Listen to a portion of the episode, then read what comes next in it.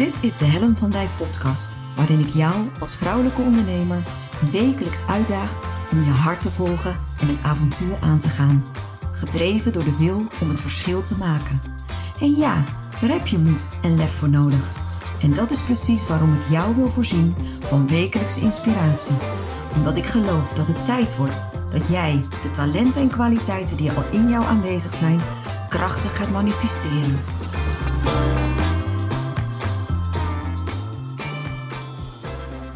Zo, goeiedag. Wat leuk dat je weer luistert naar een nieuwe aflevering van de podcast. En ik heb vandaag weer een gast.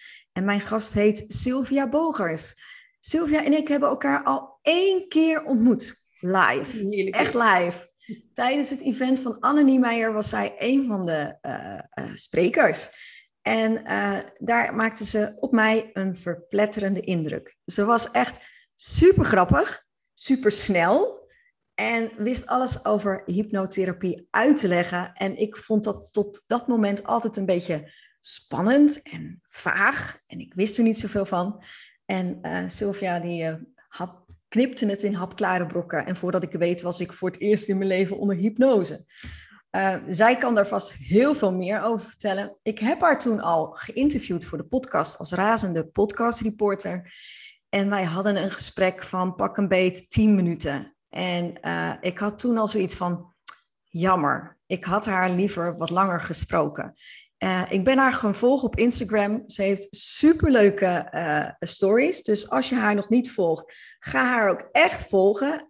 ze is voor mij echt een inspiratie. Ik heb het haar net ook persoonlijk gezegd. Ik zeg het nu weer. ik leer van haar hoe je dus stories nog beter kunt maken. Ook om beter aan te sluiten bij je klanten. Dus daar, daarin volg ik haar ook echt om van haar te leren. En um, ik vind het superleuk dat je er bent, Sylvia. Dus uh, welkom in deze aflevering van de podcast. Dankjewel, dankjewel. En wat fijn dat je de lat ook helemaal niet hoog legt met super grappig en snel en zo.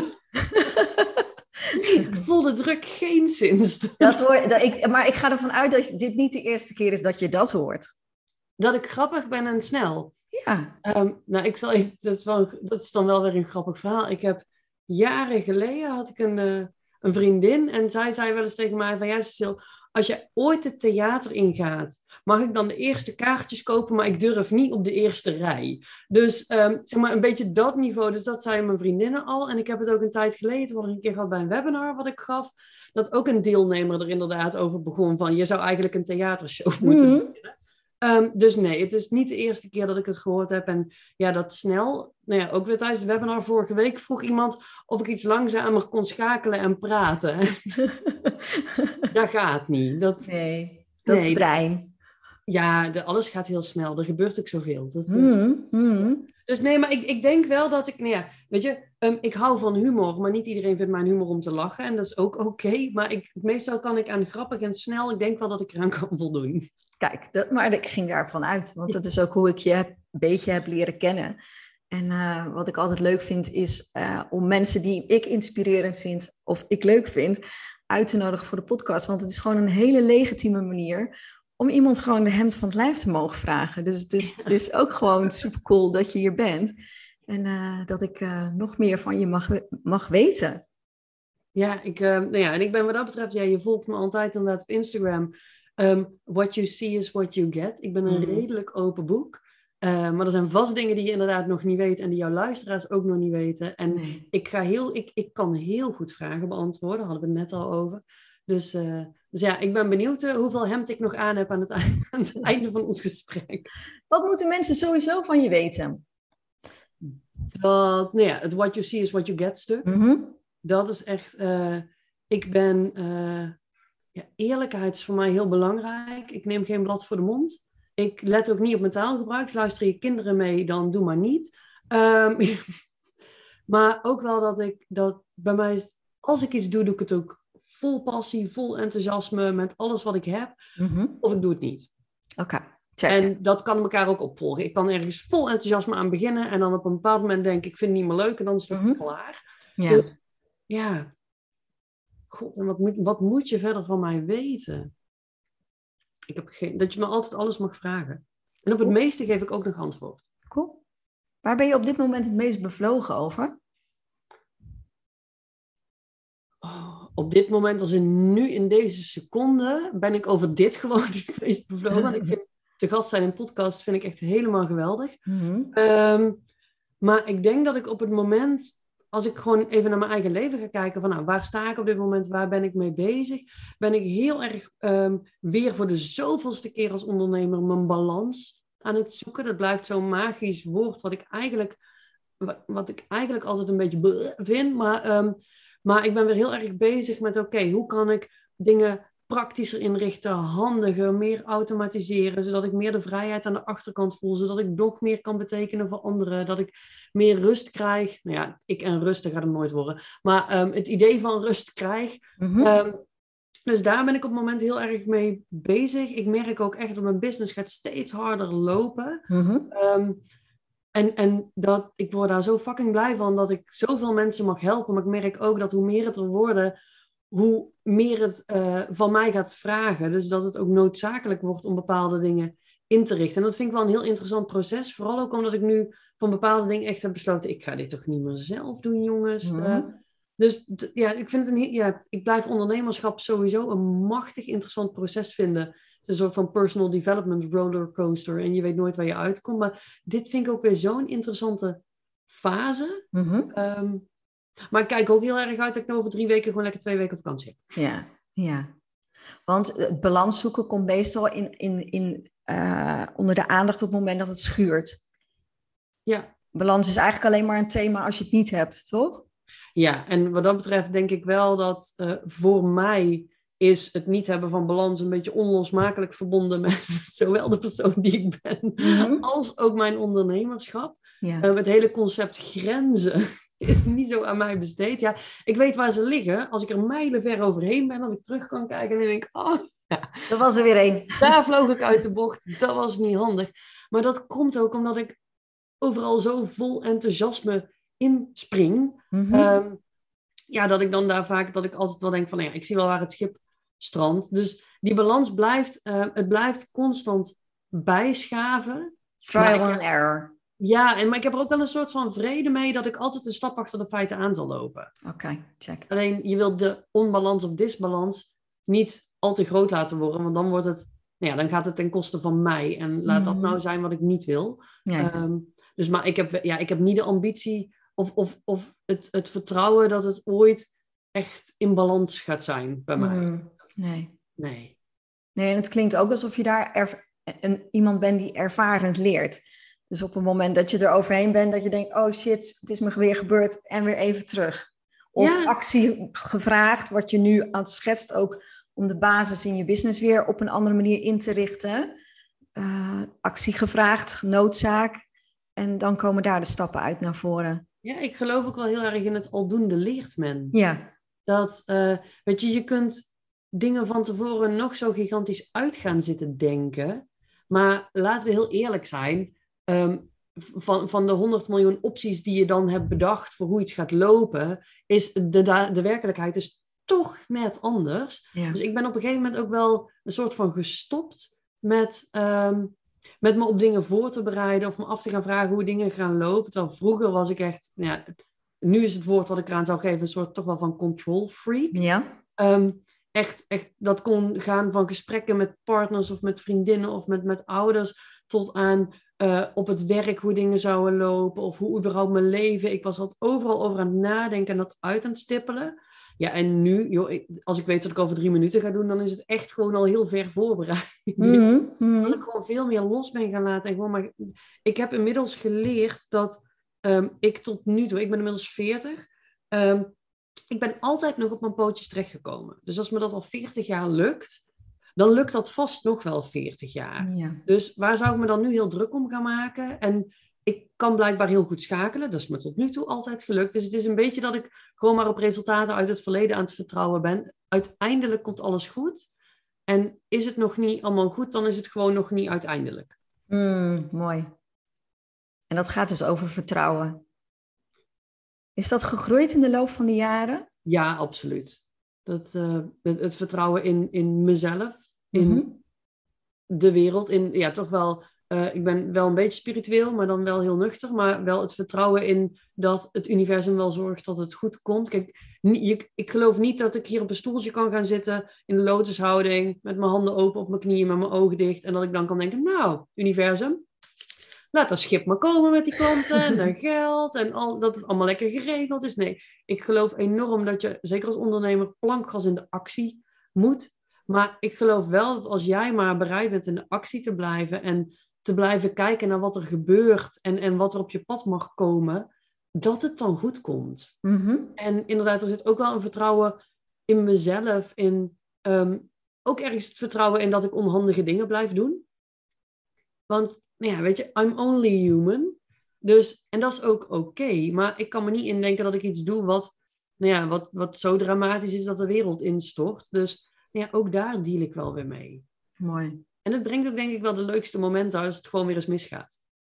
Niet, niet altijd in het moment achteraf dan vaak. Ik, ik, zou willen dat ik nu een voorbeeld had, maar dat kan ik even niet op. Ik wou net zeggen, geef, noem eens een voorbeeld. Wat, wat is je grootste pijnlijke les dan? Ehm, oh, ehm, ja, vind ik lastig. Ik, ehm, de meeste zie ik achteraf ook niet meer zo als pijnlijk. Maar als ik, ik heb bijvoorbeeld best wel wat geld geïnvesteerd. Mhm. Ehm, in dingen waar ik achteraf niet zo blij van werd. Ik heb geld geïnvesteerd in, in coachingsprogramma's waarbij het of online was en ik mocht ontdekken dat dat niet mijn meest ideale leermethode is. Of in een één op één traject waarvan ik toch halverwege dacht, nou, misschien was dit erg duur voor wat ik ervoor terugkrijg. Uh, ik, ik heb opleidingen gedaan waar ik uiteindelijk niks mee heb gedaan. Maar het zijn wel Mhm. allemaal, weet je, al die kleine stapjes hebben wel gezorgd dat ik vandaag ben waar ik ben. Dus ehm, ik zie ze wat dat betreft ook meestal niet als fout. Weet je. Het gaat dan om, eh, het kan wel stomme dingen zijn als dat je een nieuwsbrief typt en dan je browser afsluit. Je Ja, ja, ja. ja. "Oh, Nog een keer. Yay. Ja, of, of dat je mails die dan naar bepaalde mensen niet moeten, gaan alleen naar die mensen. Omdat je nog steeds zelf al je eh, automations en zo doet. En allemaal, ja, dat zijn, dat zijn allemaal van die kleine dingen. Dat, of dat je mensen per ongeluk vier mails achter elkaar stuurt. En dat ze dan zich af gaan melden voor je nieuwsbrief. Omdat ze denken dat ze een nieuwe stalker hebben. Snap ik ja, ook. ja, ja, ja, ja. Maar ja, dat zijn allemaal van die kleine dingen. Weet je, op een schaal van nul tot wereldvrede hebben ze niet echt impact. Nee. Dus Waar dat- raak je echt van van de wap? Wat brengt jou van de wap? Dingen die ik echt niet snap. Hmm. En dat, dat kan. ehm, eh, dat, dat kan zijn dat ik echt ruzie heb met mijn techniek. Mhm, Dat ik het niet opgelost krijg. mhm. Ik heb bijvoorbeeld in mijn online programma. Ja, en daar raak ik niet echt van van de wap, maar wel heel geïrriteerd. In mijn online omgeving. Ik heb een online training over hoe je een succesvolle praktijk bouwt. Ja, En die, die zit nu in een online omgeving. Daar zit een bug in. Als je langer dan een maand niet inlogt, is heel je account eruit gepleurd. oh, Vet irritant. ja. En ehm, het, het platform waar het draait zegt gewoon, ja, dat ligt niet aan ons. En, ehm, en WordPress zegt, het ligt niet aan ons. En iedereen zegt, het ligt niet aan ons. En ik raak iedere maand mijn mensen kwijt. Eh, kun je zeggen, moeten ze maar inloggen? Het is gewoon karma, vind ik ook nog prima. Maar het is wel frustrerend en vooral dat ik het niet opgelost krijg. Ik, ben, ik heb best wel een IT-achtergrond. Mhm. Ehm, en, en ik ben een echte beta. En systemen doen in basis altijd wat je ze leert. En als daar dan fouten in zitten, dat iets niet lekker loopt. Dus het was bij mij op een gegeven moment zo'n frustratie dat ik nu heb besloten dat mijn hele online omgeving gaat gewoon over naar Huddle. Ja. Ehm, ik ga het gewoon weghalen waar het staat. Als ze het niet oplossen, dan maar op die manier. Ehm, maar waar raak ik verder echt van van de leg? Eh, ja, oneerlijkheid Mhm. moedwillige oneerlijkheid. Echt mensen die glashard liegen of, of bedriegen of je, je moedwillig kwetsen op de man. Mhm. Daar kan ik niet tegen. Maar verder, ja, ik kan me ook niet zo heel snel druk maken. De- Nee. Zeker dingen waar ik geen invloed op heb. Kijk, net als met dat, die online omgeving, wat dan echt niet is waar ik helemaal... Weet je, dat ik niet over lopen piekeren of zo, dat vind ik gewoon irritant. Dat probeer ik dan op te laten lossen. En als dat niet lukt, dan zoek ik gewoon een andere oplossing. Ja. Ik ben over het algemeen wel heel erg oplossingsgericht. Als iets me niet aanstaat. En ehm, ik heb dat bijvoorbeeld ook in vriendschappen. Ehm, bij mij, als je eenmaal bevriend met mij bent, kun je bij wijze van op tafel gaan zitten schijten. En vind ik het allemaal prima. Ik heb wel graag dat je het zelf opruimt. Ehm, maar ik ben, dan, ik, ik ben dan heel vergevingsgezind. Totdat je over een bepaalde grens heen gaat. Maar dan ben ik ook heel makkelijk. Dan ga ik niet tot in een treur aan lopen trekken. Dan pleur ik gewoon de deur dicht ja. ik ben wel, wat dat betreft, denk ik, door de jaren heen heel makkelijk geworden. Dat ik altijd bij mezelf blijf intunen met, word ik hier nog blij van? Mhm. Het is het een beetje, want ik heb het idee dat ik bij alle kanten opratel. Is ik, nou, ratel jij en ik breng je wel weer terug op, op de lijn. Dat is helemaal goed. Volgens mij gaat het nog tot nu toe helemaal prima. Zo. En anders eh. moeten mensen mij gewoon even een berichtje sturen. En dan probeer ik het zo een keer uit te leggen. Moet je wel vragen wat ik uit moet je wel zeggen wat ik uit moet leggen. Want ik weet nooit meer wat ik net heb gezegd. Nee, nou, daar, daar, heb je dan een interviewer voor die dat uh, probeert bij elkaar te harken en weer uh, tot één geheel te brengen. waar zou ik toch zijn zonder jou? Nou, hè? Nou, heb ik ook nog een aandeel in dit gesprek. Oh, maar, nou ben ik ook mijn draad kwijt. Dankjewel, Sylvia. Dat, doe, dat doet ze leuk dan. Ik ga een volgende vraag stellen. Hoe ben jij op pad gekomen van hypnotherapie? Oh ja, dat is dan dat is ook wel weer een, uh, dat is wel weer een beetje een typisch Silvra. Ik ga ondertussen, zeg maar, qua kleren van het lijf vragen, doe ik even mijn vest uit, want het is hier hartstikke warm. Dus we zijn, dit wordt een soort van strippodcast, denk ik. Kijk, ieder, iedere keer een laagje pellen we af. Ik heb niet heel veel aan, dus ik ga daar wel aan, aan mijn onderkleding beginnen, aangezien je ook het beeld opneemt. um, hoe ben ik op het pad van hypnotherapie gekomen? Nou, uh, iets meer dan, wanneer is dat geweest? Ergens 2000 19 mm um, zag ik op een gegeven moment op Instagram ergens Edwin Selei voorbij komen. Hij is de self-proclaimed hypnosekoning van Nederland. En ik zag hem ergens voorbij komen en dat ging over hypnose. En ik ben nogal informatiegeil van aard. Ik vind alles leuk en interessant. En uh, het ging daarover en toen dacht ik, hypnose? Nou, daar weet ik echt geen flikker van af. Ik ken ja, Rasti Rostelli, mensen die als een kip over een podium. Maar iets, iets triggerde mij dat ik dacht, nou, dat is interessant. En ik was in die tijd, ik, ik had hiervoor een bedrijf als software consultant. En ik had al besloten dat ik daarmee wilde stoppen. En ik had besloten dat ik, um, dat, dat ik iets met coaching wilde gaan doen. Ik had nog geen idee wat. En toen heb ik me ingeschreven, ook redelijk spontaan, voor een opleiding tot presentatiecoach. Dus mensen leren hoe je moet spreken, hoe je moet presenteren. Zeg maar, waar ik nu niks meer mee doe, dat heb ik geleerd. Mm en die opleiding had ik me al voor aangemeld, was nog niet gestart. Toen kwam dat van hypnose voorbij en toen dacht ik, oh, maar uh, sowieso, ik vond het interessant. Ik, ik wilde daar iets mee en dan ga ik het voor mezelf verantwoorden. Dus de, de reden die ik voor mezelf had gevonden was van, oeh, maar als mensen dan spreekangst hebben, kan ik ze met hypnose helpen. Maar ik heb me toen, er was een, een seminar, een hypnose seminar van twee dagen. Het was gewoon live, was voordat we allemaal binnen moesten zitten. Um, dus daar heb ik me voor aangemeld. En um, dat, dan kom je vervolgens op de mailinglist te staan. En toen kreeg ik informatie ook over een opleiding tot hypnotherapeut. En toen dacht ik, ja, oh, dat kan ik eigenlijk ook wel doen. Gewoon zonder daar echt over na te denken. Ik doe dat gewoon. Dus ook weer onder het idee, maar dan, want dan kan ik straks die mensen die spreekangst hebben, kan ik helpen. Daar kan ik best wel een opleiding voor doen van 3.500 euro. ja joh, maakt niet uit. Dus ik heb me al voor dat seminar ingeschreven. En toen dacht ik van, nou, oké. Maar helemaal niet met het idee dat ik daar echt mijn business van ging maken of veel mee zou gaan doen. Het was echt gewoon puur dat ik het interessant vond en dat ik een goede smoes had verzonnen voor mezelf om daarmee in de gang te gaan. Nou, op een gegeven moment ben ik uh, dat hypnose seminar is geweest en toen had ik wel, ik vond het echt machtig interessant wat je daar leerde, maar je leerde daar dan wel iemand in hypnose brengen. Maar ja, dat is heel wat anders dan therapie doen. Mhm. Weet je, in hypnose brengen is gewoon iemand in een bepaalde staat brengen. Hypnotherapie is echt shit voor iemand op of met ja. Ja. Maar ik vond het wel, ik kreeg daar ook demo's te zien dat ik wel dacht, wow, dit is wel quite impressive. Um, ik vind het in ieder geval cool dat ik me in heb geschreven voor de opleiding. Nou, toen ben ik die opleiding tot presentatiecoach, was ondertussen begonnen. Um, hoe verder die opleiding duurde, hoe meer ik me besefte dat ik dat in ieder geval niet wilde gaan doen. Ook mooi um, om achter te komen. Ja, nou ja, dat, dat is weer als je dan kijkt inderdaad qua wijze lessen. Nou ja, dat kost een paar duizend euro. Ik heb er ook hele waardevolle dingen geleerd die ik nog steeds iedere dag in mijn praktijk gebruik. Maar ook geleerd dat ik dat in ieder geval niet wilde. Hmm. Um, en toen op een gegeven moment begon ook die opleiding tot hypnotherapeut. En nog steeds met het idee van, nou, ik ga daar niet echt iets mee doen. Ik zie wel gewoon, totdat ik op de tweede opleidingsdag was en daar gewoon dingen in demo's zag gebeuren, dat ik echt, echt dacht van, ja, maar waar haal ik het lef vandaan om dit te kunnen mm-hmm. en daar dan niks mee te doen? Wauw. Het is een beetje alsof iemand zeg maar, op straat een hartaanval krijgt. Jij bent EHBO'er of arts of verpleegkundige of BHV'er of wat dan ook. En dat je denkt, nou, ik ga naar de Albert Heijn. En dat je gewoon, zo voelde dat voor mij. Dat, wow. ik hou niet zo van het woord moeten, maar er kwam echt een soort intrinsiek moeten omhoog. Dat ik dacht, ja maar Sil, als je dit kunt, dan moet je daar iets mee. Dan moet je er mensen mee gaan helpen. Dus ja, zo is het eigenlijk een beetje ongeluk in mijn bedrijf gekomen. En het is nu één van de dingen die ik doe. Ja. Um, ja hypnotherapie, ja, je, het werkt op je brein. En ik Mhm. vind het brein echt een machtig interessant iets, want het is degene die mega goede ideeën bedenkt en vervolgens ook zegt, nou dat kun jij toch niet.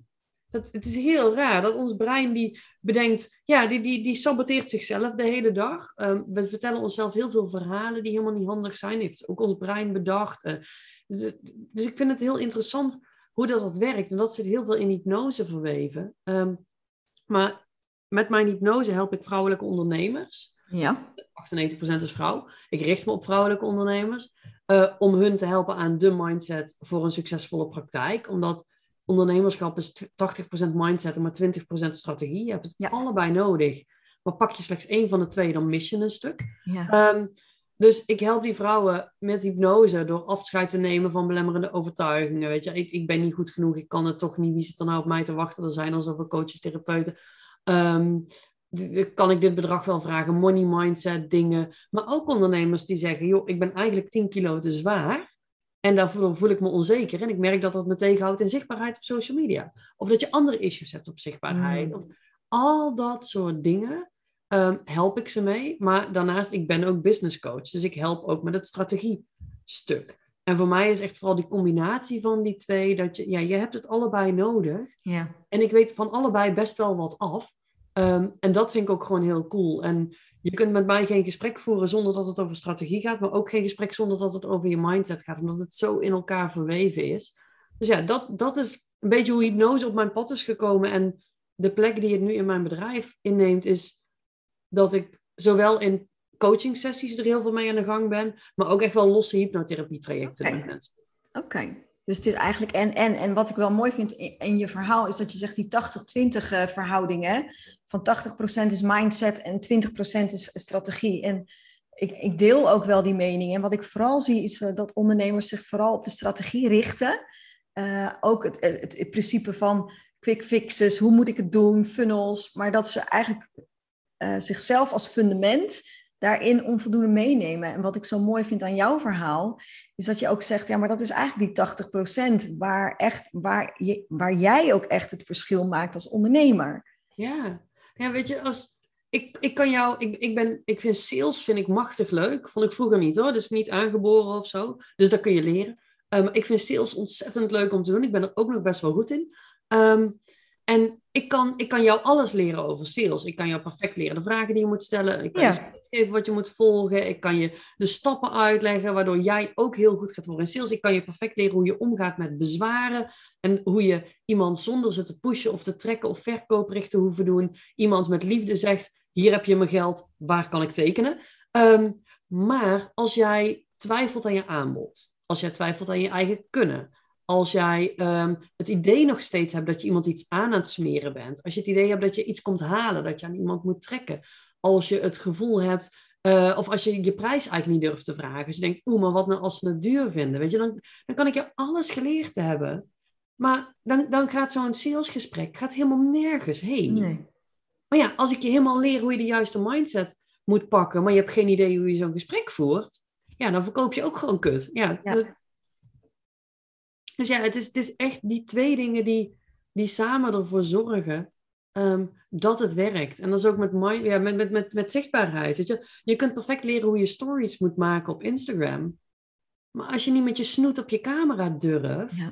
ja, weet je, als je te bang bent wat de buurvrouw ervan gaat vinden, als je zeven kleuren schijt bij, bij, bij een foto alleen al plaatsen, laat staan dat je een filmpje op moet gaan nemen, dan gaat hem niet worden dan. Nee. Dan kun je nog zo perfect weten hoe het moet, maar dan ben je er niet. nee. En mag ik nog doorratelen? Ja, nee, ik Ja, je onderbreekt me anders wel, hè? Ja, je weet Zeker, oh nee, zeker. Geloof me. Ehm, kijk, als je gaat kijken naar startende ondernemers, en dat, dat geldt ook voor gevorderde ondernemers, maar zeker startende ondernemers, je hebt strategie nodig. Ja. Ik geloof heel erg in, je hebt je ideale klant nodig, je hebt een goed productaanbod nodig, wat een oplossing biedt voor een probleem en niet wat iets verkoopt wat jij leuk vindt. Je hebt een goed verdienmodel nodig, je prijs moet kloppen, je moet weten waar je ideale klant is, hoe je ermee in contact komt. Nou ja, dan moet je inderdaad leren hoe je een verkoopgesprek voert, hoe je omgaat met bezwaren. Dat zijn allemaal, zeg maar, dingen die in de fundering Ja. van jouw business zitten, samen met mindset. Ehm, dus, dus al die dingen zijn mega waardevol om te leren. Ik leer ze mijn klanten ook. Maar ja, als je het, is gewoon dat, dat wat je zegt, er zijn helaas best wel wat uh, cursussen en zo die je kunt doen, die puur op die technische kant zitten. En, um, en het, het, het sneuien, het jammer eraan vind ik, dat er heel veel ondernemers zijn die daarin investeren. Ik, ik, ben, ik ben pro-investeren, absoluut. Um, maar waar ik, waar ik, wat wel mij echt pijn doet, is dat er ondernemers zijn die daarin investeren, die dan denken dat het niet voor hen werkt en die uiteindelijk een bedrijf weer opdoeken, omdat ze gewoon een stuk op mindset gemist hebben. En het is vaak um, investeren in hoe maak ik een funnel. Uh, ik geloof trouwens dat als je tot 30.000 euro per jaar omzet, helemaal geen funnel nodig hebt, maar dat is een ander verhaal. Maar als je investeert in hoe maak ik een funnel, of hoe richt ik mijn active campaign in, of hoe, uh, hoe, hoe, hoe werkt Instagram, of, of hoe maak ik reels, maakt niet uit. Maar dat is heel tastbaar. Dan, dan weten we gewoon, ik heb echt iets gekocht wat ik, vast, wat ik een soort van vast kan pakken, omdat er video's bij zitten. Um, vaak is voor startende ondernemers gaan werken aan hun mindset. Dan moet je inderdaad, dan, dan ga je investeren in iets waar je niet vast kunt pakken. En, uh, en je moet met je eigen shit aan de gang, terwijl het veel veiliger is om te leren hoe je een funnel bouwt. Exact. En daar zit vaak gewoon heel veel angst, onzekerheid, um, spannend om geld te investeren. En ik snap dat. Uh, maar dat maakt wel, denk ik, dat er een hele hoop ondernemers zijn die, die het gewoon niet gaan redden. Ja.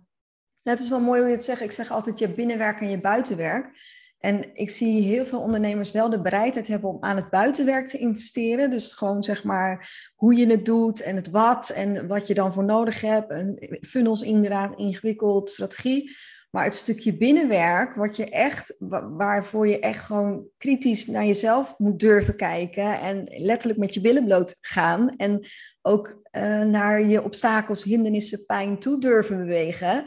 Um, A, vinden veel ondernemers dat ze dat zelf moeten kunnen. Dus dat ze daar eigenlijk geen eh, coach bij nodig zouden moeten hebben, want dat kun je toch allemaal zelf wel. En B, op het moment dat je die, dat hele stuk laat liggen, ontneem je jezelf ook de kans om die ontwikkeling te maken om je ook echt als ondernemer te gaan gedragen. Want ik vind het ondernemerschap wel ook wel echt, echt een ding. Ik weet niet hoe jij dat ziet en hoe jij bent gegroeid of gestart bent als ondernemer. Maar ik vond dat echt een hell of a ride. En nog steeds vind ik het een één groot avontuur. Omdat het zoveel van je vraagt, ook als als mens. En je komt jezelf elke keer weer op verschillende lagen en op verschillende manieren kom je jezelf gewoon tegen. Ja, dat is wat ik ook aan het begin zei. Ja, weet je, die personal rollercoaster van het ondernemerschap, dat is het echt. En um, ik spreek wel eens mensen die zeggen, van, ja, wanneer is dat dan klaar, dat, dat persoonlijke stuk, dat mindset stuk? Ja, helemaal nooit. Dat is every level a new devil. Het is gewoon, het is nooit klaar. Maar het is inderdaad, um, ik had van tevoren, ik, onderneem nu bijna zeven jaar. Mhm. Ehm, en het bedrijf wat ik nu heb, heb ik dus sinds 2019. Ehm, ik had van tevoren nooit gedacht dat ondernemerschap überhaupt iets met persoonlijke ontwikkeling te maken had. En in mijn vorige bedrijf heb ik daar ook niet zo'n last van gehad. Toen was ik software consultant ja. Um, als ZZP'er. En ik, ik had vaak opdrachten van drie, zes, negen maanden. Bij één klant zat ik een aantal dagen per week. Ik wist redelijk goed wat ik kon gaan factureren. Het was van uurtje factuurtje. Dat was allemaal best wel veilig. En daar, daar kon ik het ook vooral redden met af en toe wat bijleren over het systeem waar ik mee werkte. Um, en, en ik had een groot, mijn mond was groot genoeg om mijn prijzen tussendoor iedere keer flink omhoog te gooien. Um, maar verder, personal development, had ik daar niet zoveel mee te maken. Dus toen ik ook bedacht in 2019 van, hé, hey, ik ga een ander bedrijf beginnen. Ik ga um, als coach werken. Toen ontdekte ik ook eigenlijk pas dat ik was wel zeven jaar, of het was toen al wel bijna vijf jaar ingeschreven bij de Kamer van Koophandel. Maar ik was helemaal geen ondernemer. Nee. Ja, dat, dat is echt een verschil, hè? Ja, dat is echt... Wat is voor jou het, wat is voor, als je zou, wat, wat, wat is nou het verschil? Ja, voor mij was het vooral dat dat kwam mij een soort van aanwaaien. Ik heb mhm. nooit een website gehad. Ik had mijn LinkedIn en dat was het. En ik werd, ik werd ook als ik niet beschikbaar was, werd ik gewoon minstens één keer per week gebeld of ik tijd had voor een nieuwe klus. Dus um, voor mij was dat heel erg reactief. Mm Ik werd wel benaderd en dan koos ik gewoon een leuke klus uit en ik stuurde aan het eind van de maand een factuur. En ik denk dat echt ondernemerschap is proactief. Is um, je, je, je aanbod heel, heel goed neer gaan zetten. Kijken voor wie je het doet. Um, je hebt zichtbaar te zijn met een website, met social media. Je hebt proactief jouw ideale klant, jouw potentiële klant te gaan benaderen. Je hebt proactief acties te doen om in gesprek te komen met je doelgroep. En uh, ik denk dat daar het grootste verschil is, maar dat daar ook zit. Ik, ik had het me ook niet beseft. Ik dacht ook, oh, dan laat ik een website bouwen. En als die live is, dan staat de telefoon rood gloeiend, staan ze voor me in de rij. En dan, dan zet ik gewoon tonnen om. Ja. ja. weet je, hoe moeilijk kan het zijn? Ja, totdat ik dus ontdekte dat als je website live is, dan er kijkt helemaal niemand op, behalve je moeder en de buurvrouw en de vriend, die vriendin die het al vier keer hebt gevraagd, wat vond je van mijn website? Zegt, oh ja, dan zal ik eens gaan kijken. Um, verder komt daar niemand. Op social media krijg je bijna geen reacties. Maar ja, wat wil je met 42 volgers? Um, en toen pas, weet je, ik ben heel blij dat ik behoorlijk ja, ik weet nooit of het dan impulsief of intuïtief is, maar dat doet er ook niet zo toe. Maar dat ik eigenlijk in een split second heb besloten, ik vind wat ik doe niet meer leuk, ik ga iets anders doen. Ja. En dat ik dat gewoon ben gaan doen. En toen pas ontdekte dat het niet ging op de manier die ik had bedacht. Um, waardoor ik gedwongen werd een manier te zoeken um, waarop het wel ging werken. Ja. En dat ik maar dingen ben gaan doen, dat ik maar dingen aan ben gaan pakken. En dat ik ook ben gaan investeren om te leren hoe ik dat moest doen. Ja. Uh, en daar dan ook weer investeringen heb gedaan waarbij ik niet leerde hoe ik het moest doen. Dus ik leerde wat ik niet meer moest doen. Um, even kijken, waar wilde ik heen? Um, ja, dat, dat, dat hele stuk wat eigenlijk bij ondernemerschap hoort, dat proactieve, dat de boer op, ik heb het nooit geweten. En dat was voor mij echt een hele ongewenste verrassing. Um, want dat maakte het opeens heel moeilijk. Ja. En in mijn hoofd maakte ik het nog veel moeilijker, want ondernemen is eigenlijk heel makkelijk. Eén, uh, als je weet hoe het moet. En twee, als je iemand naast je hebt staan die iedere keer zegt dat je het te moeilijk maakt. Daar, daar vind, daarom vind ik, ik heb zelf ook een business coach. Um, en ik leer de mensen die ik coach hoe ze makkelijker moeten doen. En toch doe ik zelf ook weer heel moeilijk. En dan zegt mijn coach weer van ja, Sil, of, of is dit een te moeilijke manier en kan het ook anders. Um, maar dat, dat proactieve stuk, dat is voor mij denk ik wel echt het ondernemerschap. Gewoon zelf de verantwoordelijkheid pakken, de controle houden ehm, en, en echt gewoon aan de gang gaan. Hmm. En in beweging blijven dus ook. Hè? Dus, dus niet wat je zegt, een website optuigen, achterover gaan zitten en wachten tot de klanten naar je toe komen. Want zo werkt het ook gewoon niet. Nee, maar gewoon ook echt niet. Weet je, dat, ik krijg heel sporadisch een aanvraag via mijn website ehm, voor een hypnotherapie traject. En dat komt omdat hmm. Google me inmiddels iets beter weet te vinden. En ik ben iedere keer weer fucking blij verrast als er dan zo'n aanvraag komt, dan denk ik, oh my fucking god, mensen weten me gewoon te vinden. Dan vind ik Google helemaal geweldig, dan vind ik de wereld fantastisch. En dan sta ik echt weer even stil bij hoe magisch het is dat ik iets op een internetsite heb gezet. En dat er gewoon mensen komen die dan zeggen, ik wil dat kopen. Ik vind dat geweldig. Maar de meeste mensen die klant bij mij worden, er is echt wel iets meer werk voor nodig dan dat ik een website de lucht in heb gegooid. En, en wat is de kern, waarom stappen mensen bij jou in? Wat is jouw ervaring tot nu toe? Um, je, je, bent heel actief hè, op, op social media. Je, je plaatst stories, je doet masterclasses. Uh, je bent uh, ook actief. Ik vind je ook echt een netwerker. Ik bedoel, ik zie heel, jou heel veel verbindende acties maken. Dus dat vind ik ook leuk aan je. Um, maar wat, wat is voor, voor jou nu de, de beste lead generator? Wat maakt dat mensen naar jou toe komen? Um, nee, ik denk de reden dat mensen uiteindelijk ja tegen mij zeggen is omdat ik uh, echt weer om het what you see is what you get stuk. Ook mhm. als ik een webinar geef, maar ook als ik mijn stories doe. Weet je, het grootste compliment wat ik kan krijgen is van vriendinnen die zeggen: Als ik jou op internet bezig zie, dat is precies hoe jij bent. En dan dat, precies dat. Dat mijn vriendinnen zeggen: Fuck, dat is echt helemaal sil die je daar, zit, die je daar ziet. Um, en daar gaan mensen of heel hard op aan, of heel hard op uit. En ik vind het allebei prima. Weet je, als je mij niet leuk vindt, Ga dan alsjeblieft iets leukers met je tijd doen. Volg mij niet. Weet je ook, gewoon niet doen. Dat is zonde van je tijd. Want dan zit je, zitten we blijkbaar, dat zijn we geen match. En dat is helemaal mhm. oké. Maar ik denk wel dat mensen uiteindelijk om, de, om, om mijn echtheid, mijn authenticiteit, mijn, mijn enorme energie. Uh, maar ook dat ik laat merken dat ik weet waarover ik praat. Ja.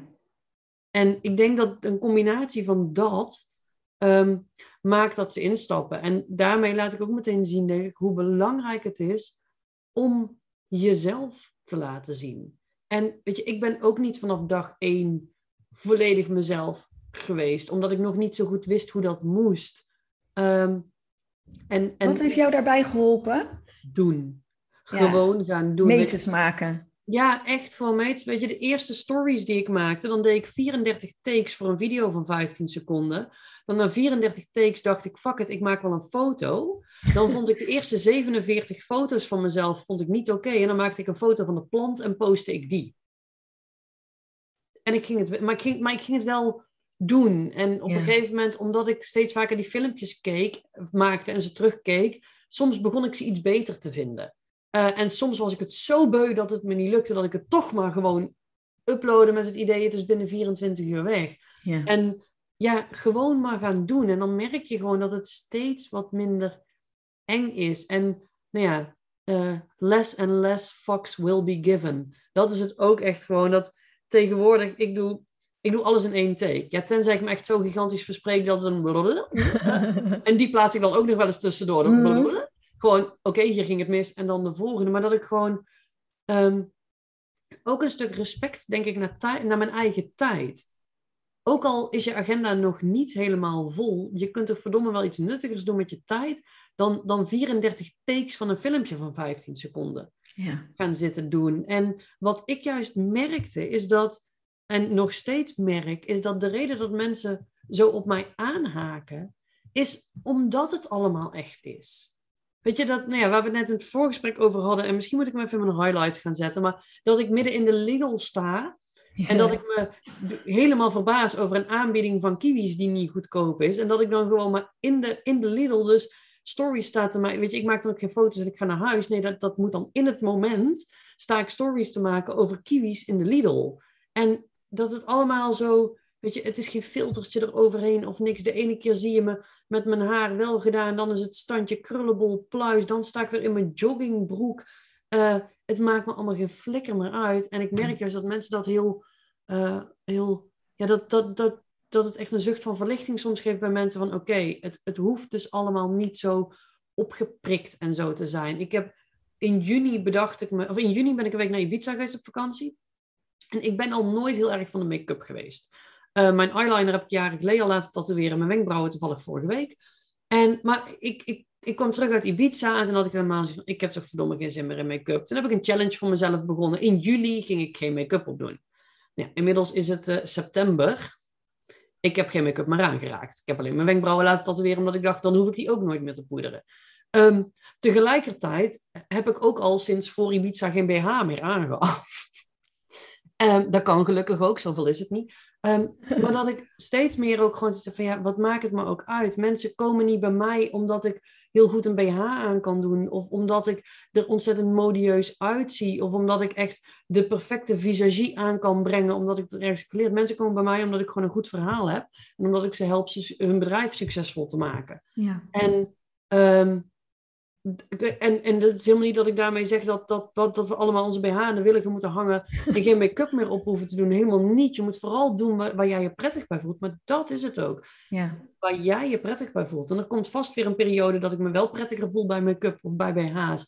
En dan doe ik dat weer. Maar um, weet je, dit, dit zien mensen ook bij mij gebeuren in mijn stories. Dat, dat ja, van periodes met iedere dag heel veel make-up naar helemaal niks meer. En van, van netjes aangekleed uh, naar, naar gewoon in mijn joggingbroek rondlopen. Naar, ja, ik loop ook altijd blote voeten hier. En ik heb echt letterlijk, letterlijk klanten die komen hier binnen en die kijken naar mijn voeten. En die zeggen, oh, mag ik hier mijn schoenen uitdoen? Ja. Schat, doe maar. En dat dat juist zo fijn voor ze is dat, dat, dat een soort van huiskamersfeer gecreëerd wordt waarin ze gewoon lekker hun schoenen uit kunnen doen. Ja. ja, dat, had ik nooit kunnen realiseren als ik vast had gehouden aan wat ik vorig jaar nog dacht. Toen liep ik wel op blote voeten en op sokken rond, maar zodra er een klant kwam, deed ik mijn schoenen aan. Ja. Want ik dacht dat dat moest. Hmm. En dan deed ik ook wel eens geen BH aan, maar alleen op de dagen dat ik geen klanten had. En als ik wel klanten had, deed ik hem wel aan, want ik vond dat dat moest. Weet je, dus ook dat is een proces bij mij, um, waarin ik vorig jaar nog vond dat ik bepaalde dingen moest. En nu denk ik, ja, voor wie dan? Ja. En iedere keer denk ik bij mezelf, nu ben ik er. Nu ben ik echt heel erg mezelf. En dan komt er toch weer iets waar ik nog meer mezelf word. En ik denk, wauw, er was nog een stukje. Ja. Nou, en ik denk dat dat ook wel een van de redenen is dat, dat ik jou met plezier volg. Ook vanuit die authenticiteit. En ik vind het wel mooi hoe je dat schetst. Van het gaat niet om een wel of geen BH of wel of geen make-up. Het gaat erom dat je voelt dat dit ben jij. Dus of ik hier nou wel in mijn jurkje zit met mijn uh, leuk gelakte, gelakte nageltjes en mijn lipstift, hier voel ik me op dit moment het prettigst bij. Dus dit is wie jij te zien krijgt, omdat ik op deze manier de meest comfortabele versie van mezelf ben. En ik denk, mensen voelen dat. Als ik ook naar eh, stories kijk. ik heb Instagram trouwens nog maar net drie maanden ontdekt. Hè? Dus voor mij is Instagram helemaal nieuw. Uh, ik was echt, uh, ik ben opgevoed in de LinkedIn-stijl. Dus ik, ik weet alles binnen, buiten, alles over LinkedIn. Um, maar ik dacht, laat ik ook mijn horizon eens verbreden. Dus ik heb sinds kort Instagram ontdekt. Dus ik ben nog een beetje aan het uh, afstemmen van wat wil ik en kan ik daar nou zelf in. Maar je voelt het verschil als ik kijk naar wat mensen zenden, dus wat tot mij komt, uh, dan voel je of ze comfortabel zijn, of ze op hun gemak zijn, of ze zich prettig voelen, of het een trucje is. En uh, ik prik daar zo doorheen. Ik ben redelijk intuïtief. En op het moment dat, dat, dat, dat, ik, dat ik merk dat het een trucje is of een maniertje is, dan, dan verlies je bij mij direct je geloofwaardigheid en dan haak ik af.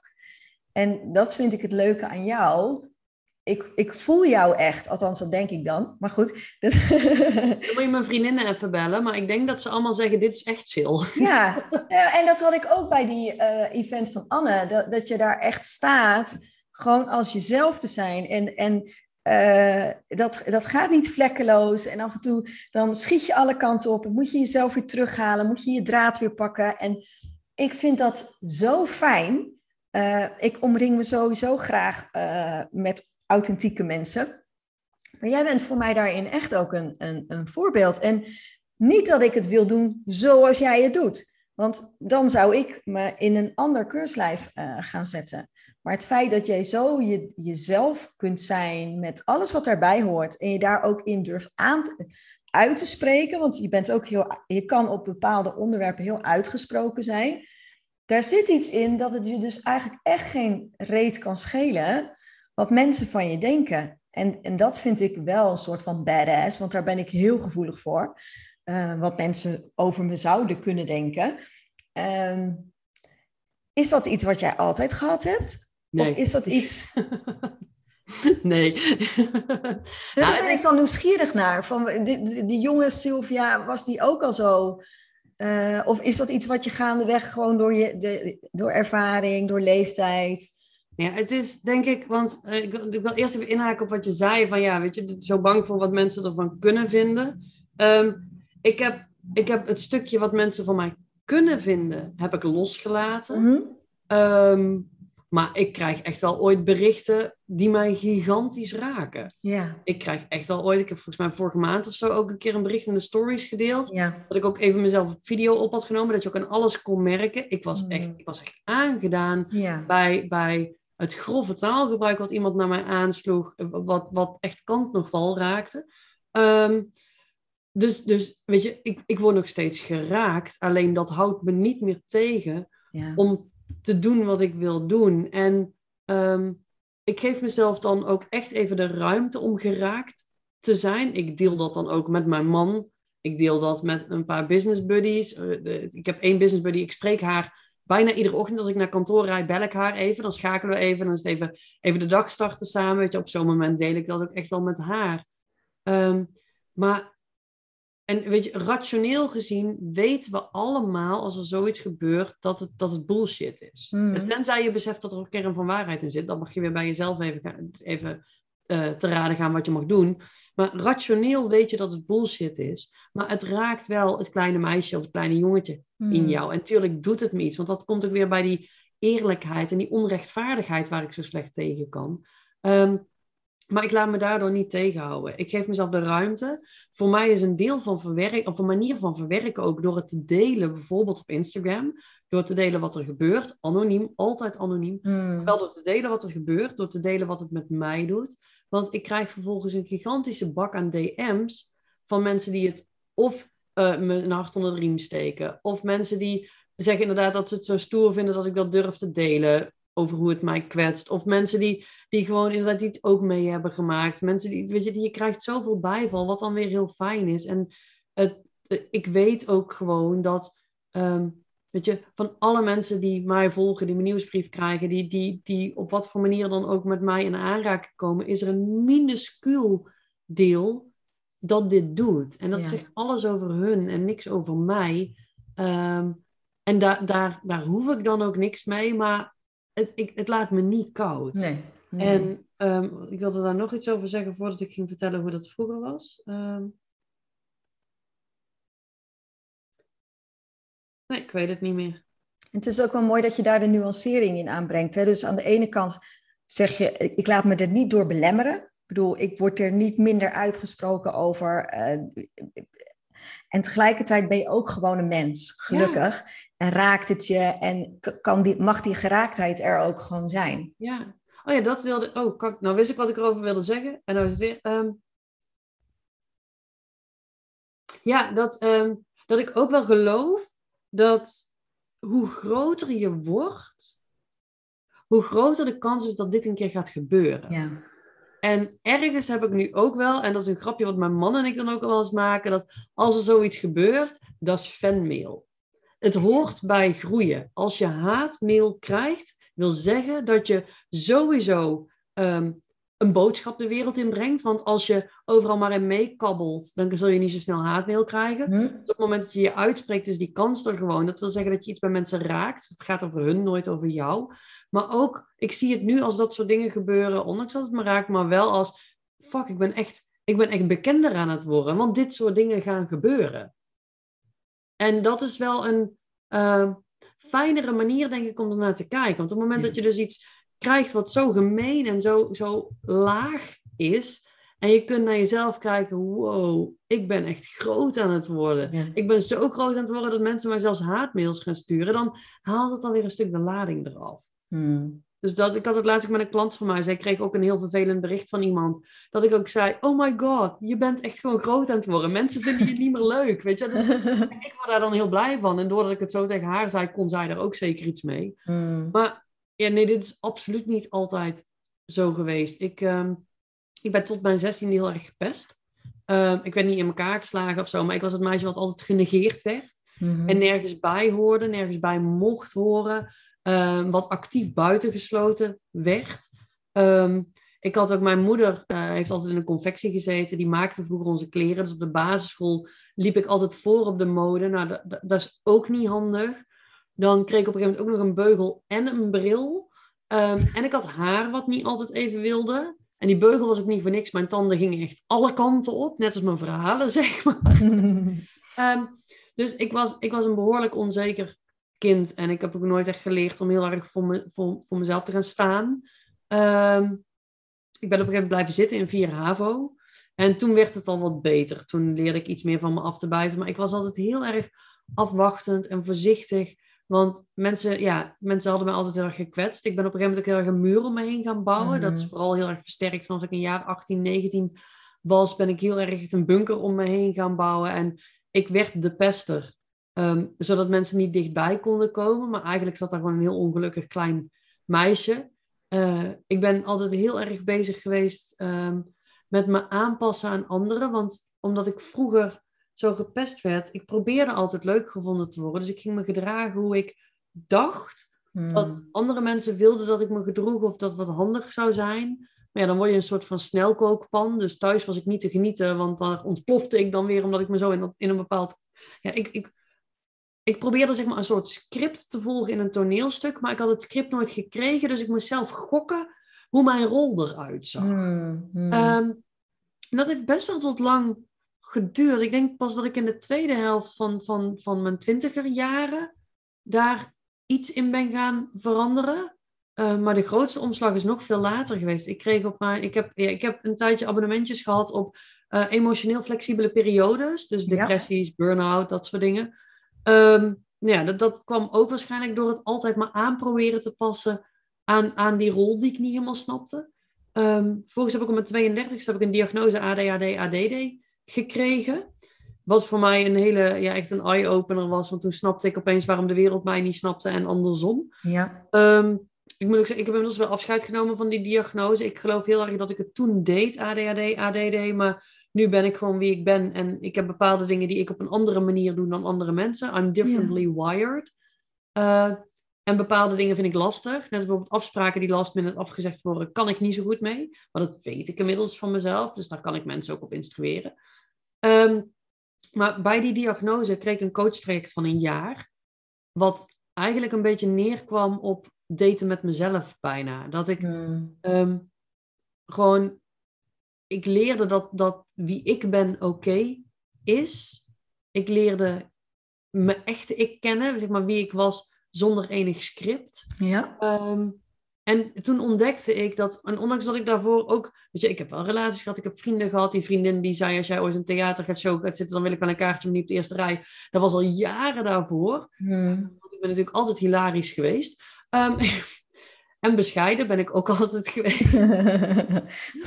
Nee, maar toen pas, toen heb ik pas geleerd om mezelf te accepteren. En dat is ook niet van de een op de andere dag gegaan. Dat is echt, echt wel een traject geweest waarin ik gaandeweg ontdekte dat hoe meer ik mezelf was en hoe minder ik me aan ging passen aan Mhm. anderen, hoe makkelijker mijn leven werd, maar ook hoe meer het verrijkt werd en hoe, hoe meer mensen eigenlijk bij mij wilden zijn, omdat ik veel echter aan het worden was. En dat is Mhm. veel fijner om met iemand om te gaan die, die echt zichzelf is, dan met iemand die zich altijd maar een beetje aan probeert te passen. Ja. Dus het is voor mij echt een heel groot traject geweest. Dat, en ik denk dat.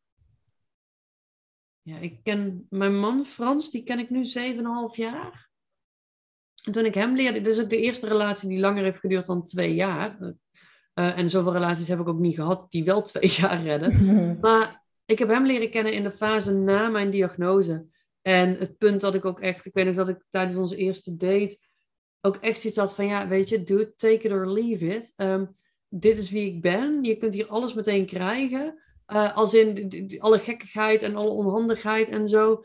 En als je dat niet oké vindt, weet je, dan, dan vind ik het ook prima. Dat ik, dat ik echt op dat punt in mijn leven voor het eerst kon zeggen, dit is wie ik ben, take it or leave it. Wauw. En dat werkte. En dat merk ik steeds, je krijgt steeds meer die bevestiging Ja. als je maar echt jezelf bent ehm, en dat ook durft te laten zien, ja, dat, het dan, dat het dan goed komt. Mooi.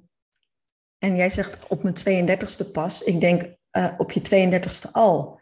Want er zijn zoveel mensen die dit cadeau eigenlijk nooit krijgen of nooit Klopt. ontvangen. Ja, voor mij was de diagnose natuurlijk voor ADHD, die was vrij laat, dus dat was op mijn 32e. Die snap ik. Maar het traject Maar waarin je dus echt jezelf mag gaan ontmoeten en ontdekken. Ik ben eigenlijk best wel vet leuk. En eh, dit is de manier waarop ik in het leven sta. En take it or leave it.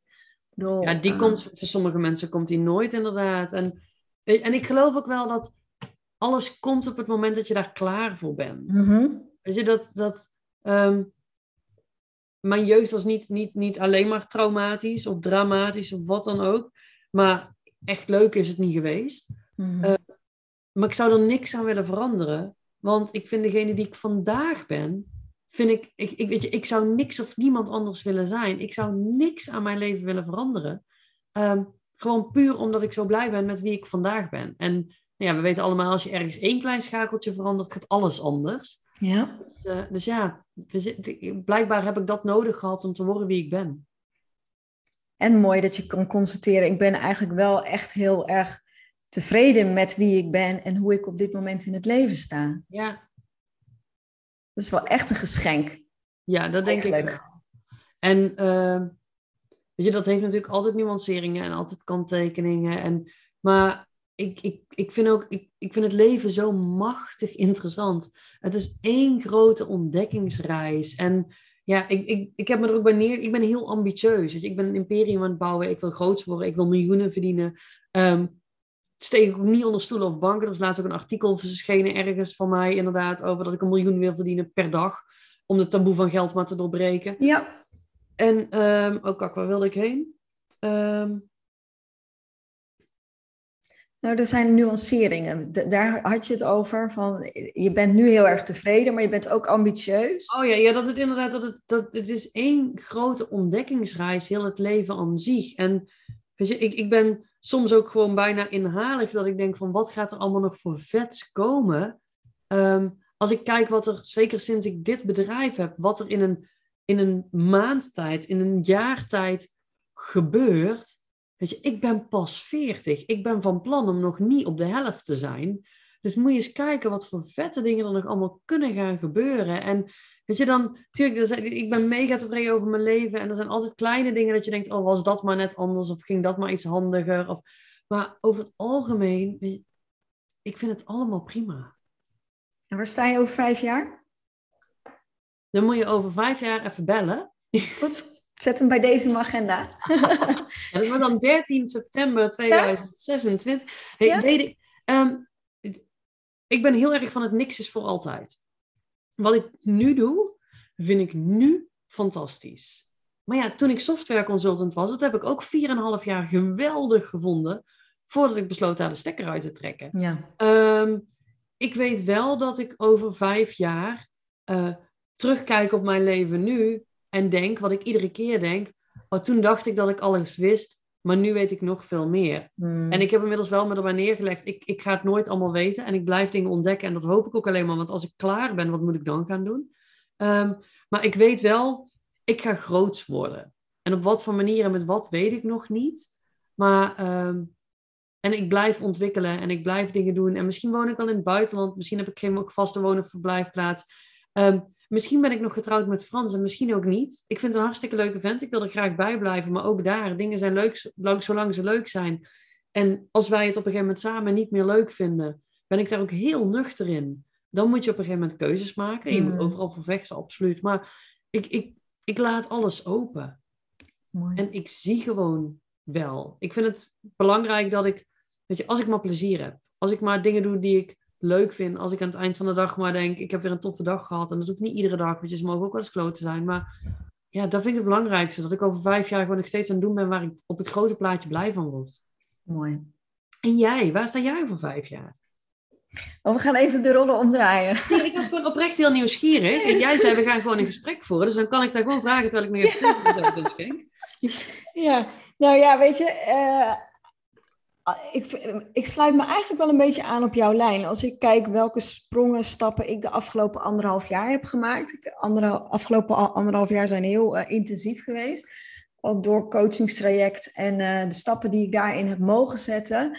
Ik had nooit verwacht dat ik nu volgende week dat event zou organiseren. En dat ik daar kaartjes voor zou verkopen. En dat ik zoveel gave ondernemers aan me zou verbinden die dat evenement samen met mij willen vormgeven. Dat, dat, dat had ik niet kunnen bedenken. En als je me dan vraagt van waar sta je over een jaar of over twee jaar of over vijf jaar, um, ik kan het ook niet bedenken. Omdat aan de ene kant gaan dingen veel sneller dan dat ik ooit had durven dromen dat ze zouden gaan. En tegelijkertijd, als ik nu kijk welke omzwervingen als ondernemer heb gemaakt, uh, zit ik nu op de linkerkoers, maar zou het ook over een paar maanden op een rechterkoers? Weet je, dus en dat vind ik ook het, het, eigenlijk het meest gave van ondernemer zijn. Ik ben ook iemand die elke keer uitgedaagd wil worden, elke keer zichzelf wil stretchen, altijd met mijn persoonlijke groei en ontwikkeling bezig. Uh, thema's die ik ook helemaal uh, vastgrijp en dan helemaal wil omarmen en mee aan de slag wil gaan.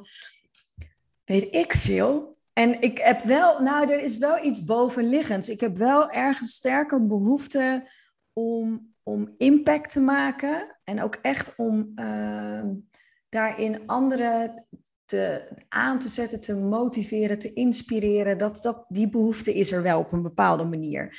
En dan één op één lukt het al, zeg maar. In groepen lukt het al, maar ik wil eigenlijk de impact die ik maak, wil ik eigenlijk veel groter hebben. En uh, dat is wel een ambitie die ik heb, waarvan ik denk, ah, die wordt denk ik niet kleiner of zo. En uh, net als jij, de, het zoeken naar de vorm. Uh, voor mij is op dit moment stip op de horizon wel echt een, een theater met een, met een podium en een, een grote, grote zaal vol, vol met mensen. Um, om op die manier ook wel mijn impact uh, te creëren. En ook echt dat ik denk dat mensen buiten staan, al hebben ze maar iets meer het gevoel dat ze um, zelf aan zet zijn en dat ze zelf die verandering zijn en dat, dat ik iets in beweging mag zetten. Ja, dat, dat, dat is wel echt een, uh, een ambitie die, uh, die drijvend is. Uh, ja. Wat cool. Ja. En hoe en wat, dat weet ik niet. En dat vind ik wel ook het mooie, dat als je het hoe kunt loslaten, dan wordt de weg naartoe er al een feestje. Weet je, dus alle stappen die ik nu zet, die dragen bij aan waar ik uiteindelijk wil komen. Maar of ik er uiteindelijk kom, ja, dat, dat doet er eigenlijk niet eens toe. Want als ik halverwege bedenk dat mijn koers toch op een ander pad is, ja, dan heb ik deze stappen wel toch even mooi gezet. En dat uh, maakt het zo uh, ja, bijzonder om te doen. Ja, daar, daar kan ik ook helemaal in mee. En ik geloof ook, weet je, dat ook al denk je nu dat je stappen zet naar een bepaald doel en, en wijk je op een gegeven moment af, dan waren die stappen nog steeds nodig om ook die afslag te kunnen nemen. En ja. wat je ook zegt over je hoe, en dat zegt mijn eigen coach, ik van ja, if your why is big enough, weet je wel, dan de, de hoe komt wel. Ja. Die, die, die, die lost zichzelf wel op. You will find a way, ja. Dat, uh... nee, en als je die why maar krachtig genoeg het universum inslingert, daar geloof ik dan in, dan weet je, op een bepaalde manier gaat het zich wel zetten en op een bepaalde manier gaat het vorm krijgen. Alleen ik denk ook dat wij niet alles weten. Dus dat, dat, dat hoe je het doet of wat er voor nodig is om er uiteindelijk te komen, dat dat veel groter of anders of vanuit een andere invalshoek kan gebeuren dan dat. Je weet, ja, je weet ook nooit op wat voor manier. Want als we gaan kijken bijvoorbeeld het event waar ik, ik heb gestaan, waar wij elkaar hebben leren kennen. Weet je, ik vind, ja, ik vind zo te gast zijn een podcast vind ik fucking leuk. Ik vind spreken op zo'n event, je maakt mij echt intens gelukkig als je mij voor een groep neerzet. Dat is ook zenuwen. Ik ken het hele concept niet eens. Dat de, vroeger wel hoor, maar ik, ja, in, in de zin van zo, voor zo'n groep had ik dat toen wel spannend gevonden. Aan de andere kant was ik wel op school altijd iemand, daarom ook die presentatiecoachingopleiding, die zei van als jullie alles uitwerken, dan stuur mij de avond van tevoren maar de shit en dan presenteer ik wel. Ja. Vond ik het makkelijkste. Maar ik heb ook, weet je, ik vind voor zo'n groep staan superleuk, maar ik ben er dan niet heel actief mee bezig om manieren te vinden om dat te doen. Maar de manier waarop het universum het dan voor me neerlegt, is dat ze mij, dat Anne een mailtje stuurde Um, met ik ben op zoek naar een ademcoach en ik geloof nog iets. En dat ik gewoon heb gereplied met nee hoor, volgens mij ben je op zoek naar een hypnotherapeut. Dus weet je, dat, dat het universum je niet altijd gewoon op een presenteerblaadje zo aankomt reiken waar je naar op zoek bent. Dat je daarin wel soms je eigen creativiteit in mag zetten. Maar ja, doordat ik zo brutaal dat mailtje terugstuurde naar Anne, um, stond ik wel op dat event. Exact. Ja. Hoe dan? Nou, zo. Ja, gewoon door, door stoute schoenen aan te trekken. Het gewoon te doen. Kansen te zien. En dan wel weer een beetje vanuit de not a single fuck is given mode. Um, ook gewoon, ja, weet je, wat is, nou, het ergste wat er had kunnen gebeuren? Dat ze had gezegd nee. Nou ja, dan was ik net zo ver als voor die mail. Ja. Nou, en die merk ik dat ik die steeds makkelijker durf in te zetten. Van, joh, het is een brutale vraag. Ik trek, me, trek mijn stoute schoenen aan. Als je nee wil zeggen, is het ook oké. Maar dan heb ik het in ieder geval gevraagd. En dat is, en weet je wat het leuke is? Mensen vinden het ook gewoon prima. Weet je, zeker als je een zo'n open uitnodiging of zo'n mooie voorzet geeft, dan is het ook, als het makkelijk is om nee te zeggen, zijn mensen sowieso bereid, makkelijker bereid om ja te zeggen. Is mijn ervaring. Absoluut. Dat, uh, ja, en ik, ik, want je zei dat er straks ook ging over ja, samenwerkingen inderdaad met andere ondernemers. Ik merk sowieso, en dat is, ik had het net over dat ik nooit had verwacht dat personal development zo'n groot onderdeel zou zijn van, van ondernemerschap. Iets anders wat ik ook nooit had verwacht, is hoe magisch veel geweldige mensen je ontmoet. Ja. Het is echt, als ik kijk, de mensen die ik in de afgelopen jaren mogen leren kennen.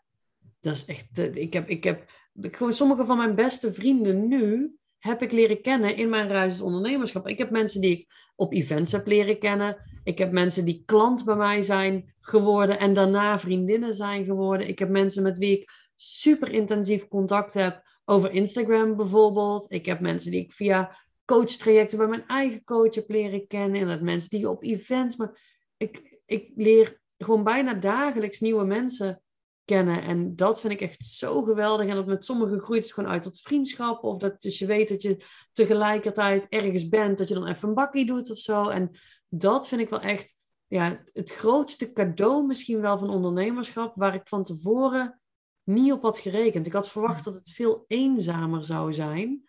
En ik merk dat het alles behalve eenzaam is. En dat is denk ik ook hoe jij je rol in, of hoe jij het doet. Want dat is ook, ik ben, ik staat hier ook letterlijk op mijn bord dat verbinding is voor mij voorwaarde om mijn werk te kunnen doen. Anders kan ik het ook gewoon echt niet. Ik, ik moet mezelf in verbinding voelen met anderen. Dat is ook waarom ik uiteindelijk aangesloten ben bij Business Women Nederland. Weet je, ik vind dat super fijn ook om in de relatie te staan met, met, met mensen. Uh, en ik denk dat het ook weer een kracht van jou is. Want dat is ook hoe ik jou heb leren kennen. Ook als ik zie de bijdrage die je levert, de manier waarop je dingen aanvliegt, hoe je reageert op andere mensen.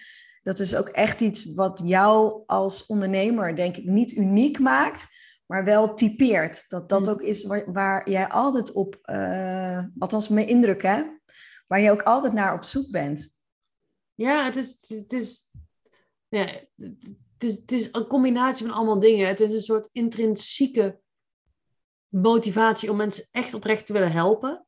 Ehm, hoewel ik daarbij ook vaak merk dat of mensen niet echt geholpen willen worden, of dat je zo uh, fijn geholpen hebt dat ze het eigenlijk niet leuk vinden. Ze hadden liever gehoord dat ze het allemaal goed deden en dan komt er ook nooit meer iets. Ehm, maar dat het wel zo is dat, uh, dat ja, ik, ik vind, ja, hoe, hoe langer ik dit doe, hoe meer ik ook zeg van ja, je hoeft het verdomme niet alleen te... Op mijn website staat letterlijk, ondernemen is geen potje patiënt wat je in je uppie hoeft te spelen. Hmm. Ehm, en, en, en ik vind het ook gewoon, ik vind het ook leuk, al die contacten. Soms ook verlammend, want hmm. ik heb ooit ik heb wel periodes, dan ben ik heel enthousiast geweest op de DM en dan heb ik allemaal mensen aangesproken. En dan wil ik s'avonds eigenlijk gewoon op de bank even uitgaan of een boek lezen, maar dan heb ik nog 34 DM's die ik ja, ja, ja, ja. En dan denk ik ook, kak, waarom deed ik dit ook? maar ik vind het ook, ja, het is wat jij zegt, die impact maken. Ik vind het ook wel, ik word wel heel blij van bijdrage kunnen leveren. Ja. Ik word er heel blij van als nou ja, als, als jij zegt dat ik jou inspireer met mijn stories, weet je, al ben je de enige, mm is voor mij reden genoeg om het te blijven doen. En dat merk ik ook met mijn nieuwsbrief als ik die schrijf. Want er is er maar één iemand die denkt, wow, eye-opener is genoeg. En dat, dat, dat heb ik overal. Dat, dat, ik wil zo graag het leven van iemand anders mooier maken dan dat het is. Nog mooier maken. Dat als ik maar een kans krijg om ergens een heel klein beetje bij te dragen, uh, en nou ja, als ik dat kan doen door gewoon volledig mezelf te zijn, dan is het helemaal mooi, want dan kost het ook nog eens bijna geen energie. Um, maar ik word, wel heel, ik word er wel heel blij van als ik iets bij kan dragen bij een ander. Dat is wel iets, uh, als we het hebben over dingen die je nodig hebt. Um, ik heb dat nodig. Ja. Dat, en, en ik heb niet eens de complimenten daarna nodig. Ik vind het mega fijn als ik terugkrijg dat iemand er iets aan heeft gehad. Maar ik ben ook nog niet altijd even goed in het ontvangen van complimenten. Ik word er steeds beter in. Maar ik vind het vaak een vanzelfsprekendheid. Terwijl ik juist wel iemand ben die gek is op complimenten geven ook. Mm -hmm. Vooral wildvreemde mensen in de stad benaderen met heb je een leuke jurk aan. Ik vind dat heerlijk, want daar kunnen ze niks mee. Het ook alleen maar als ik het echt zo vind. Um, maar, oh, waar ging ik nou weer heen? Oh ja, maar dat, dat ik wel gewoon de wetenschap dat door te doen wat ik doe, andere mensen een stapje kunnen zetten, ja, dat, dat, dat, dat, dat is wel een van de dingen waar ik het echt voor doe. En dan, dan gaat het nog om de dingen die ik zomaar gratis deel. Als ik dan ga kijken naar de transformaties die ik hier in mijn praktijk, zowel met mijn coachklanten als met mijn hypnotherapieklanten maak. Ja, dat is echt. Ik zit soms zelf met mijn bek vol tanden of, of echt met mijn mond open te kijken. En ik denk, wow, did that just happen? Dat, Mooi. Ja, dat is echt heel gaaf. Mooi. Laat hem even stilvallen. Dat mag. Uh Kunnen de luisteraars even overdenken wat er zojuist allemaal is gezegd? Ja. ja, weet je, Sylvia, ik vind het superleuk zo. En ik denk dat we nog een uur door kunnen kletsen.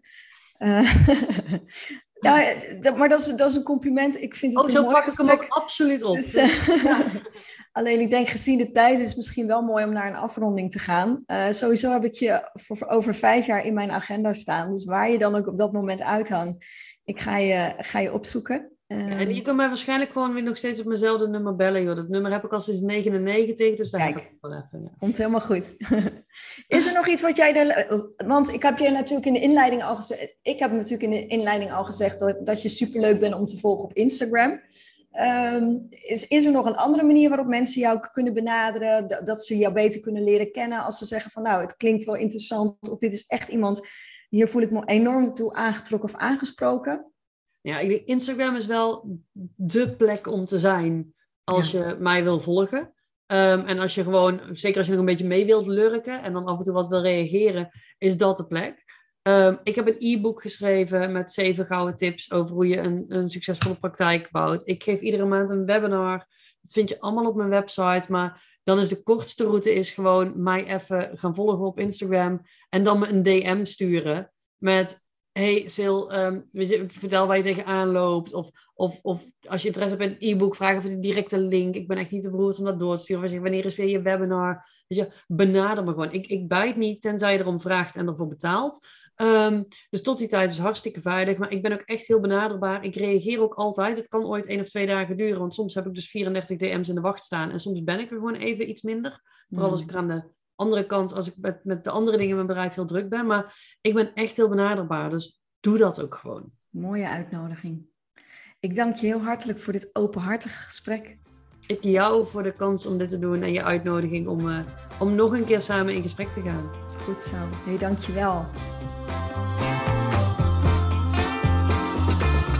Superleuk dat je weer luisterde naar mijn podcast. Dank je wel.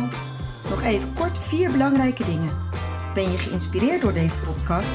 Dan zou ik het heel leuk vinden als je mij laat weten wat je belangrijkste inzicht is. Of als je een vraag hebt, dan hoor ik het ook heel graag. Je kunt me bereiken via info.hennavandijk.com Wil je meer inspiratie? Zoek me dan even op op LinkedIn via mijn naam Helen van Dijk met een lange ei. Elke week lees je daar een nieuwe blog over vrouwelijk leiderschap, lef en het verschil maken. Leuk om daar te connecten. Het is mijn missie met deze podcast om jou te inspireren om met meer lef en je hart het verschil te maken in je onderneming. Het zou natuurlijk super zijn om nog veel meer vrouwelijke ondernemers te inspireren om het verschil te maken. En wil je me daarbij helpen? Dat zou mooi zijn. Geef me dan een review via de podcast-app waarmee je deze podcast luistert. Bijvoorbeeld iTunes, Spotify of Podcast Addict. Ga in de app naar het tapje Reviews en laat je recensie achter. Dankjewel. Ten vierde, wil je voortaan alle podcastafleveringen overzichtelijk onder elkaar? Abonneer je dan op deze podcast. Klik in je podcast-app op de button subscribe of abonneren. Elke keer als er een nieuwe podcastaflevering verschijnt, staat deze automatisch in je podcast-app. Tot slot vind ik het superleuk om jou te leren kennen of je te helpen als je een vraag hebt. Stuur je vraag of opmerking naar info.hellenvandijk.com of stuur me een persoonlijk berichtje via LinkedIn. Tot de volgende podcastaflevering. Doeg!